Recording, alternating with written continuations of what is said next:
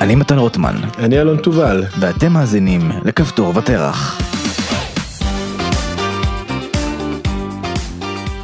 אז אנחנו לפני בחירות חמישיות במספר, בתקופה של, אה, תקופה קצרה מאוד, לא יודע להגיד בדיוק כמה, וזה כבר נהיה די בלתי נסבל, אה, בכנות, זה נהיה מגוחך, אף אחד לא מצליח להקים קואליציה, לא נראה איך מישהו יצליח להצליח להקים קואליציה, וגם אם כן יקים קואליציה, לא נראה שזה יפתור אה, כל מיני בעיות עומק שקיימות בחברה הישראלית. ואני חייב להגיד לך, אלון, שהתחושה האישית שלי, לפחות, היא, ובטח בשנים האחרונות, שדי מסריח להיות ימני. זה... על הפנים, זה לא, זה לא, זה לא מרגיש כמו שזה היה בעבר.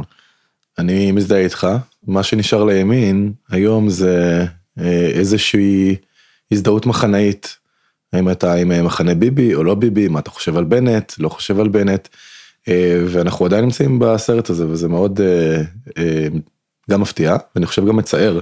כן. כי יש לנו, יש פוטנציאל אפשר לומר. אבל אה, אנחנו סוג של אה, שבויים, זאת אומרת גם אנשים אה, כמוני ונראה לי גם כמוך, mm-hmm. שמאמינים שלנתניהו תפרו תיק וזה מאוד ברור, זה שקוף, נכון. אבל השאלה האם אנחנו בשביל איזושהי פיסת צדק היסטורית מוכנים להקריב את המערכת הפוליטית שלנו. אני אגיד לך אחרת, אני חושב שזו סוגיה הרבה יותר עמוקה מהשאלה אם כן נתניהו, לא נתניהו, כן משפט, לא משפט, ואני חושב שאנחנו מתעסקים ברבדי עומק של החברה הישראלית, שהקצה של הקצה שלהם זה שאלות לגבי נתניהו, לא נתניהו. מה שמטריד אותי ספציפית, זה שההתעסקות מטופשת, כאילו מרגיש שהכל מטומטם וכולם טיפשים. הכל מטומטם. הכל מטומטם, כל הזמן שואלים עם מי תשב ומי לא תשב, זה פשוט אידיוטי ומפגר, עם מי תשב ומי לא תשב, מי תשב ומי לא תשב, זה משחק כיסאות מטופש כזה. אתה יודע, אפילו ברמת השפה, אני לפעמים שומע רדיו, הולך, הולך ופוחת המנהג. אבל אני שומע, אני אומר, טוב, זה, זה נשמע לי כמו אה, כשפעם היית פותח אה, איזושהי סדרה אה, בטלוויזיה, ואז בתוך הסדרה היית שומע מהדורת חדשות. נכון. ותמיד זה היה נשמע קצת מגוחך, כי אתה, זה לא באמת מהדורת חדשות אמיתית, אתה מנסה... זה יותר מזה, אני אגיד לך. לייצר חיקוי שכזה. אני אגיד לך מה אני חושב שזה, אני חושב שהתקשורת הישראלית עושה מיטיפיקציה אה, לפוליטיקה הישראלית, ואתה ממש יכול להרגיש שהפוליטיקה הישראלית בעיני התקשורת הישראלית מאוד מאוד דומה ל, אה, למיתולוגיה היוונית. נכון? זה כאילו הסיפורים של זהוס. הסיפורים של זהוס ומה הוא עושה ועם מי הוא עושה את זה וזה מאוד אה, דרמטי דרמטי ורכילותי דרמטי וצהוב כאילו אבל אה, אנחנו לא רוצים לדבר על מיתולוגיה אנחנו רוצים לדבר על מיתוסים מכוננים ובהקשר הזה אתה ציינת משהו לגבי הפתולוגיה של הימין. אתה רוצה להרחיב על זה? כן אז אה, התחלנו לגעת בזה ממש אה, בקטנה שלימין יש פתולוגיה מאוד מאוד קשה. Mm-hmm. הפתולוגיה הזאת היא קשורה לרצון הזה להיות במקום של הצדק. Mm-hmm. ואני מאוד מבין את זה, ושנינו מגיעים אה, גם מהמקום הזה, שנינו, אה, יש לנו, אנחנו רואים את עצמנו כחלק מאיזושהי המשך של תנועה רוויזיוניסטית. למה לשמאל אין רצון להגיע לצדק? השמאל יותר מעניין אותו אני חושב מה קורה מה קורה עכשיו בשביל לקדם את מה שאנחנו רוצים עכשיו אפשר לשקר אפשר טיפה לתקוע אה, סכינים איפה שצריך. באמת אני ממש לא מסכים אני חושב שכאילו שתי ה... אה, גם הימין וגם השמאל בקצוות שלהם וזה דווקא משהו שקורה מאוד עכשיו באופן כללי בשיח שקשור גם לרשתות החברתיות ולעידן המידע אה, אני חושב שאנחנו נהיינו טהרנים. של אמת. כן, אני מסכים. ואי אפשר לפעול בממד של, במרחב של טהרנות. אתה רואה את זה גם בשמאל, אתה רואה שכאילו הפרוגרסיביות הולכת ומשתלטת על כל חלקה קטנה, על כל חלקת אלוהים, אתה רואה את זה בפמיניזם הרדיקלי, ואתה רואה את זה במה שנקרא לכאורה זכויות אדם, שזה מעין מונח ריק, ובימין אתה רואה את זה באיזושהי משיחיות דתית. ובאיזושהי אמת עמוקה שצריך לפצח ולפתור ולהעלות ובשני הצדדים חסרה פרגמטיות, יש את המאמר הנחמד הזה של אחד העם לגבי כהן ונביא, שהוא אומר, אה, מה ההבדל בין כהן לנביא? נביא הוא איש של אמת, הוא אומר את האמת, הוא עומד בשער, הוא יש לו תוכחה גדולה, הוא קול רועם דרמטי, ברקים וצלצולים. אבל הכהן צריך לפשר ולגשר את הדבר הזה לציבור.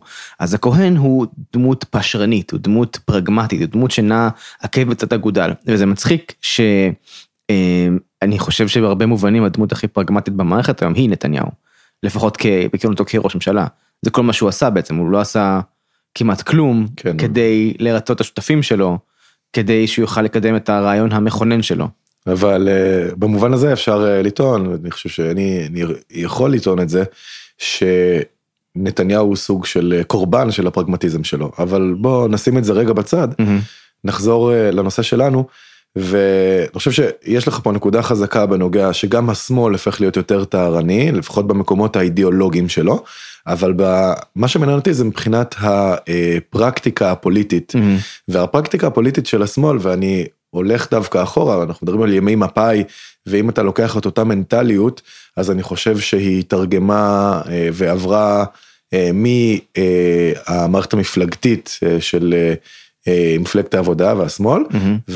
ונכנסה לתוך המערכת המשפטית, ולא רק, גם היום דרך אגב אם תסתכל על אז, מרץ. זה, זה נכון okay? אוקיי? אגב יש, יש מאמר יפה של מני מאוטנר שמדבר על זה אתה מדבר על, על התיאוריה והפרדיגמה שגם אבישי בן חיים מדבר עליה לדעתי ברובד יותר אה, אה, שטחי שבעצם האליטה המשרתת של ישראל מרגע שהיא מפסידה בבחירות 77 מתחילה להשתלט על מעוזי אליטות אחרות בראשם מערכת המשפט לזה אתה מתכוון? אני מתכוון למרכיב מאוד אה, מסוים של זה והוא המנטליות הפוליטית כי okay. אוקיי. מה בעצם המנטליות הזאת אומרת היא אומרת. יש לנו עקרונות, יש לנו אידיאולוגיה, ואנחנו בניגוד לימני שרוצה בסופו של דבר איזושהי הכרה, הוא רוצה מקום סביב השולחן, נכון. הוא רוצה שיתייחסו אליו בצורה שווה והוגנת, הם אומרים אנחנו לא רוצים מקום סביב השולחן, אנחנו השולחן. אתם אה, מוזמנים לבוא אלינו, אנחנו יודעים מה האמת. ולפי האמת הזאת אנחנו פועלים ואם צריך לדרוס מישהו בדרך אז דורסים.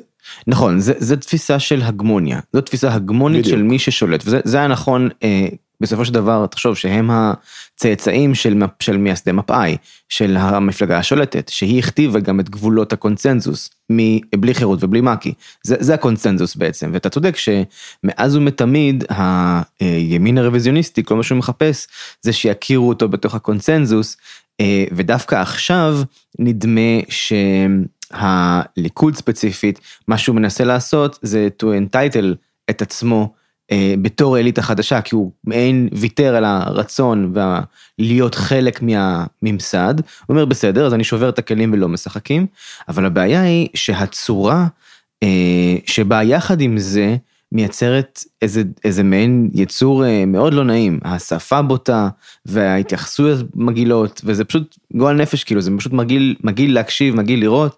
ואני חושב שאחת הבעיות שהכי מפריעות לי זה שלכל צד ולכל אה, פרגמנט יש איזה שהם גרעינים של אמת. וזה טוב לעשות פופקורן כי זה מבדר, אבל זה קשה מאוד להכין מזה ללחם, זה לא מזין. אני חושב שיש יותר מגרעינים של אמת. אה, מבחינה רעיונית הימין כן התפתח, במידה מסוימת, mm-hmm. אבל אה, מבחינת המנטליות הפוליטית הוא עדיין די אינפנטיל, זאת אומרת כשאנחנו שואלים למה אתה אה, מצביע ימין ומקבל שמאל, mm-hmm. אז לכאורה אנחנו מצביעים על כל הבעיות הגדולות, אבל מה השורה התחתונה? אכלו לי שתו לי. זה מה שמתורגם לאופרציה הפוליטית, ותחשוב על זה רגע, שיש הרבה מאוד אנשים שמאוד מרוויחים מהעמדה הזאת, זאת אומרת, יש, יש איזה שהם יחסים של אה, סוג של אדון ועבד, mm-hmm. והעבד די נהנה מהיכולת אה, להגיד, אני עבד, דפקו, דפקו אותי, דופקים אותי, mm-hmm. ולהמשיך להיות במקום הזה שמשאיר אצלו הרבה מאוד צדק.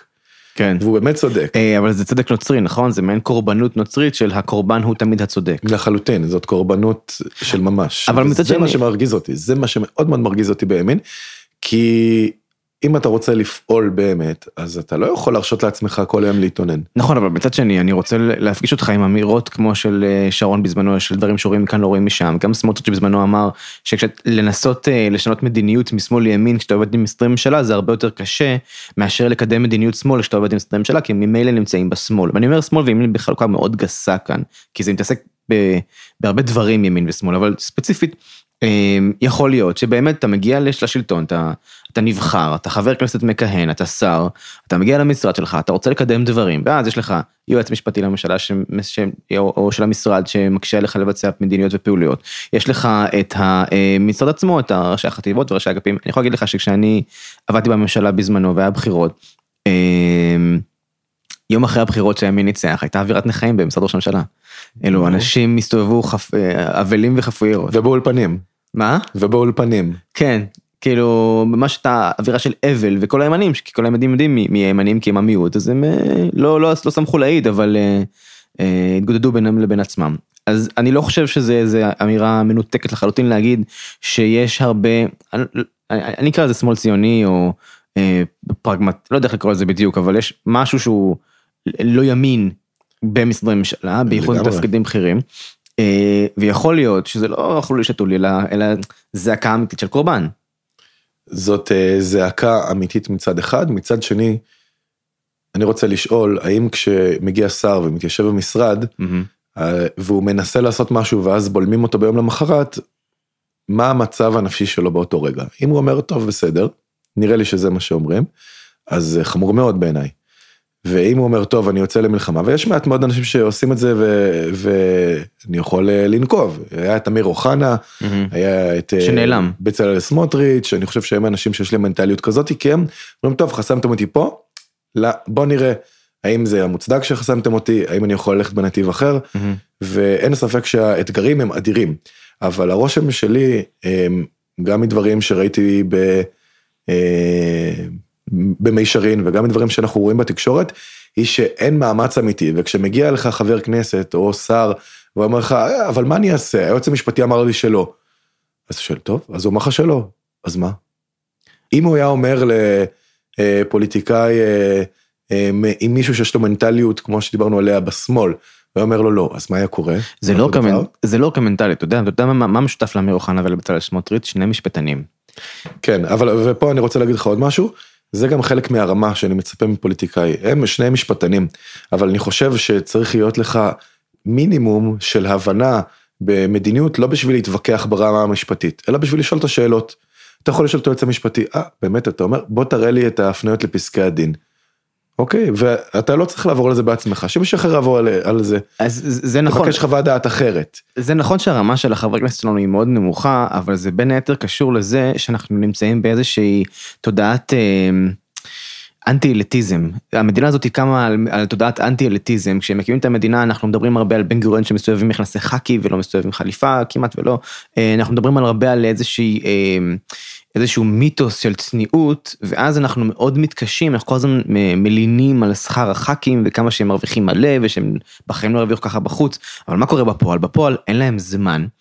אה, להתעסק בדברים, אין להם יועצ... אין להם מספיק יועצים, קשה להם לגייס אותם, קשה להם להעסיק אותם, אין להם מספיק כוח אדם כדי להעמיק בסוגיות, כדי להצליח להתמודד עם כל הדברים האלה, ואנחנו לא מצליחים להרחיב את זה. אני מסכים איתך וזו סוגיה ששווה שנדבר עליה בפני עצמה, mm.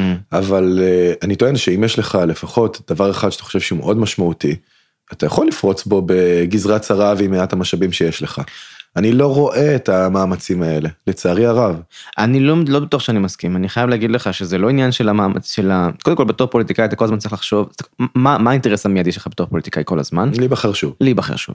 אז אתה כל הזמן חייב כאילו לרצות את התקשורת, שלא תדבר, שבכלל לא תציג אותך, אלא אם כן תצייר את הדמות הדמונית שאתה אמור לצייר, להיות בה אם אתה במשבצת הימין, נכון? אז מלכתחילה מי שמגיע לשם זה מי שמסוגל לשחק את המשחק הזה, זה אחד. שתיים, אה, אתה כל הזמן נאבק. במשרד שלך, אתה לא יכול כל הזמן להיאבק, זה לא, לא רציונלי, אז צריך לבחור דבר, וג' כאילו היציבות השלטונית כך רעועה גם לפני המערכות האחרונות, יש לך נגיד שנתיים בנטו.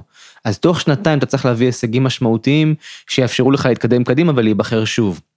וזה בעיניי כמעט בלתי אפשרי, ותוסיף לזה את זה שבסופו של דבר מתחת לפני השטח יש לנו תזוזה טקטונית של כמו שאמרנו אליטה קיימת אל מול אליטה חדשה או אליטה מתחרה או, או אה, לפחות אה, אתגור האליטה הקיימת ואתה רואה את זה, ראית את זה אגב בשסע או בפער שנפער בין הציונות הדתית לאחרונה לבין הביביסטים.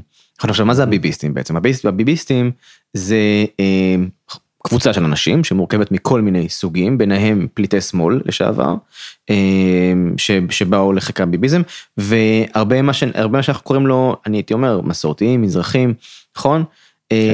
אמ, והטענה שלהם היא טענה של באמת, היא אותה טענה של ישראל הראשונה וישראל השנייה, של פריבילגיות שלא קיימות להם, של פריפריה לעומת מרכז, ואני חושב שכל הטענות האלה נכונות. זאת אומרת, יש בהם הרבה אמת. בוודאי, אבל השאלה היא, אוקיי, אז מה? אז מה? ו... אז השאלה היא, כאילו, אולי אין להם שום דרך אחרת לפרוץ מלבד הדרך האלימה. זאת אומרת, אף אחד לא נוקט באלימות אם הוא, אם הוא לא חייב. אז קודם כל צריך לשאול מה זה אלימות. אה, יש פה שאלה מעניינת, mm-hmm. והשאלה היא, את מי הציבור מעריך? האם הציבור מעריך את מי שעכשיו אה, במשרד שלו העביר איזה משהו יחסית שולי, כי לא היה צריך להילחם יותר מדי. אה, סתם לדוגמה, שזה עוד נחשב משהו יחסית גדול, תוכנית חמש יחידות מתמטיקה של נפתלי בנט. כן. ביחס לאתגרים האדירים של משרד החינוך שהוא לא התחיל נכון. לגעת בהם ולא רצה. כי ו... מה, יש לך שנתיים, מה תעשה? מה תעשה? נכון, אז צריך לשאול האם בזכות זה הוא הפך להיות מוערך מאוד בעיני הציבור, לא. או לחילופין מי שהראה נכונות גדולה לשלם מחיר. והדוגמה כמובן הכי מובהקת וכמעט יחידאית אה, זה עמיחי שיקלי, mm-hmm. שבזכות הדבקות שלו בעקרונות שאפשר אה, לשאול האם זה היה נכון או לא נכון וביחס למצביעים וכולי, אין ספק שזה יצר לו רווח פוליטי. ויכול להיות. שבעקבות זה הוא היה נמצא היום מחוץ למרוץ לכנסת. בהחלט זאת הייתה אפשרות אה, ריאלית. כן. אבל אה, אני רוצה לומר שאי אפשר תמיד להתחבא מאחורי הרצון להיבחר מחדש. אנחנו תובעים מנבחרי הציבור שלנו גם אומץ. ואנחנו מעריכים אומץ. כן. ואת זה אנחנו כמעט ולא רואים.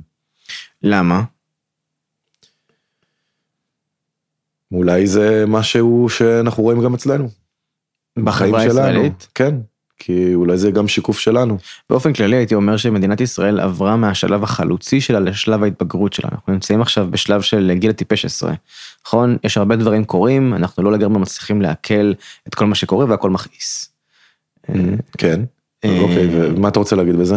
אה, אני חושב שבהקשר של האומץ, אנחנו יותר מחפשים את ה... להיות נורמליים. הרבה יותר ממה שאנחנו מחפשים להיות פורצי דרך. אנחנו מחפשים את היציבות, אנחנו מחפשים את הלונג טרם. כן, uh, לגמרי. זה פחות לגמרי. אומץ. אבל uh, אתה יודע... כי אם, אם תחשוב גם על מאפיינים של המחנות הפוליטיים, mm-hmm. באמת, גם המכנה שיש לו מנטליות פוליטית מפאיניקית, הוא חלוצי, זאת אומרת יש לו מחשבה שמתאפיינת בחלוציות, גם במעשה הפוליטי. הוא אומר בואו נייצר פה אה, גם נדפוק כמה דברים בדרך, נייצר איזשהו מאחז במציאות, אחרי זה נרחיב. אחרי זה נראה איך נכון. אנחנו מגינים עליו. זה עוד איזה עוד דונם. הימין הרוויזיוניסטי היה אומר לא. בוא נלך לכל האומות, נציג בפניהם את המסמך, כולם יסכימו, יגידו כן, ולמחרת, אחרי שנעביר את זה, נתחיל לעבוד. למרות כן. שדווקא לבן גוריון היה חשוב ההכרזה באו"ם. אבל היא כמובן הייתה, גם ההכרזה הזאת הייתה, היה לה מימד חלוצי, כי לא ידעת אם בסופו של דבר תצליח או לא, אמר בוא נכריז, ונייצר את המציאות באמצעות זה. ודווקא ז'בוטינסקי הוא זה שדיבר על אה, אה, התנחלות בשטח ועשייה. בעצם בן גוריון שואב הרבה דברים מז'בוטינסקי בהקשר הזה. אין ספק, יש, יש הדדיות, אבל אם אתה שואל איך התנהגו. אז צריך להפריד רגע לדעתי בין, ה, בין הרוויזיוניזם של ז'בוטינסקי לבין הרוויזיוניזם של, של בגין, בגין, שהוא מאוד מאוד שונה. Mm-hmm. בגין הוא בעצם, הוא זה שמנחיל את התפיסה המנומסת. הוא מנומס, הוא נחמד, הוא חביב, הוא רוצה להיות, הוא רוצה שיאהבו אותו. בגין רוצה שיאהבו אותו, ז'בוטינסקי לא רוצה שיאהבו אותו, זה לא מעניין אותו. וזה מאוד מאוד ניכר בהתנהלות הפוליטית שלו, וגם בכהונה שלו כראש ממשלה. הוא פשוט היה מיין ראש ממשלה, אה, שמאוד רצה שיאהבו אותו. התרומה הסגולית שלו להיסטוריה של מדינת ישראל היא בזה שהוא הצליח אה, לחבר בין זרמים שונים, אבל כראש ממשלה, אני חושב שהוא אחד מראשי הממשלה הכי פחות נקרא לזה ימניים והכי פחות אה, משפיעים פרגמטית או אולי אפילו מזיקים. זאת אומרת גם למסור את השטחים בסיני, גם לייצר את, אה, את פרויקט השיכונים, כל מיני דברים שהם גם, גם בפן הכלכלי הוא לא היה כל כך מזהיר למרות שהם כן, כן ארידור פתח את ה... לדעתי. התחיל לפתוח את המשק שזה היה צעד חיובי בהקשר הזה. מעניין השאלה שמעניינת אותי זאת אומרת אוקיי אז מה מה בין בגין, למשל, לביבי. זאת אומרת, איפה הקו, הקו המחבר פה? כי ביבי, אתה אומר, אולי הוא דווקא שייך יותר לציר אה, ז'בוטינסקי. אני, אני רואה קו מקשר בין ז'בוטינסקי, בן גוריון ונתניהו, ככה אני רואה את זה. Mm-hmm. אני רואה אותם בתור הם, אה, ממשיכים רעיוניים אחד של השני. בן גוריון לוקח את קיר הברזל מז'בוטינסקי ומיישם אותו הלכה למעשה, הרעיון של קיר הברזל הוא הרעיון של ז'בוטינסקי, נתניהו ממשיך באותו קו ומרחיב אותו לקיר ברזל כלכלי.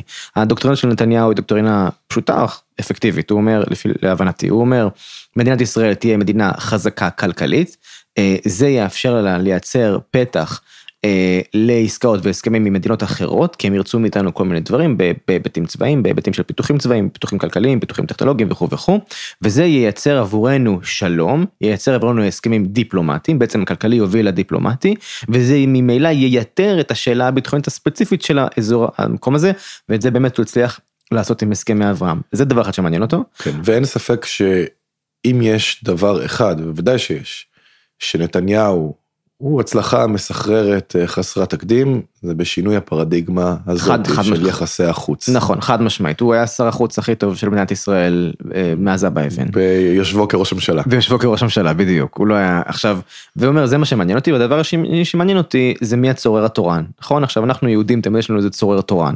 אז חזרנו לפרס, עכשיו זה שוב האיראנים, וזה מה שמעניין אותו. זה מה שנקרא התפיסה הקטסטרופלית של הציונות. נכון. עכשיו אני לא, אני לא חושב שהוא ציניקן בהקשר הזה, אני באמת חושב שהוא, ומאמין שהוא מאמין בזה בכל ליבו, ושהוא באמת פועל כל הזמן כדי לפתור את זה. אבל מה שלא מעניין את נתניהו בשום צורה ועניין, זה כל דבר שהוא קצת יותר קטן מהמקרו הגדול. שזה אומר חברה, שזה אומר אה, כלכלה, שזה אומר אה, אה, הרבה הרבה דברים שקורים במדינה, ובאמת אנחנו ראינו פשוט, אה, שזה אומר התיישבות גם אגב, ואתה פשוט, וזה, וזה תסכול של הרבה ימנים. אתה אומר, סבבה, הליכוד היה בשלטון כל כך הרבה שנים, כל פעם בתואנה אחרת שום דבר לא קורה. כמה, כמה שנים אפשר לקרות עד ששום דבר לא, לא מתקדם וקורה. בעצם, אתה יודע, בהרבה מובנים, הממשלה הכי ימנית שהייתה לאחרונה, זה הממשלה של, של ממשלת הרשג"דים, בנט ולפיד, שני חברי הסנדות. כאילו, זה היה מאוד ימני במובן הכלכלי. הרפורמה בכשרות, הרפורמה בגיור, שאני תופס אותם כדווקא כיותר ציונים וימנים, כי הם מביאים עוד יהודים, שזה דוקטרינה ציונית. כן. הם מרחיבים את היהדות, הם לא מציירים את היהדות, וגם אה, בהיבטים של אה, יבוא ומכס.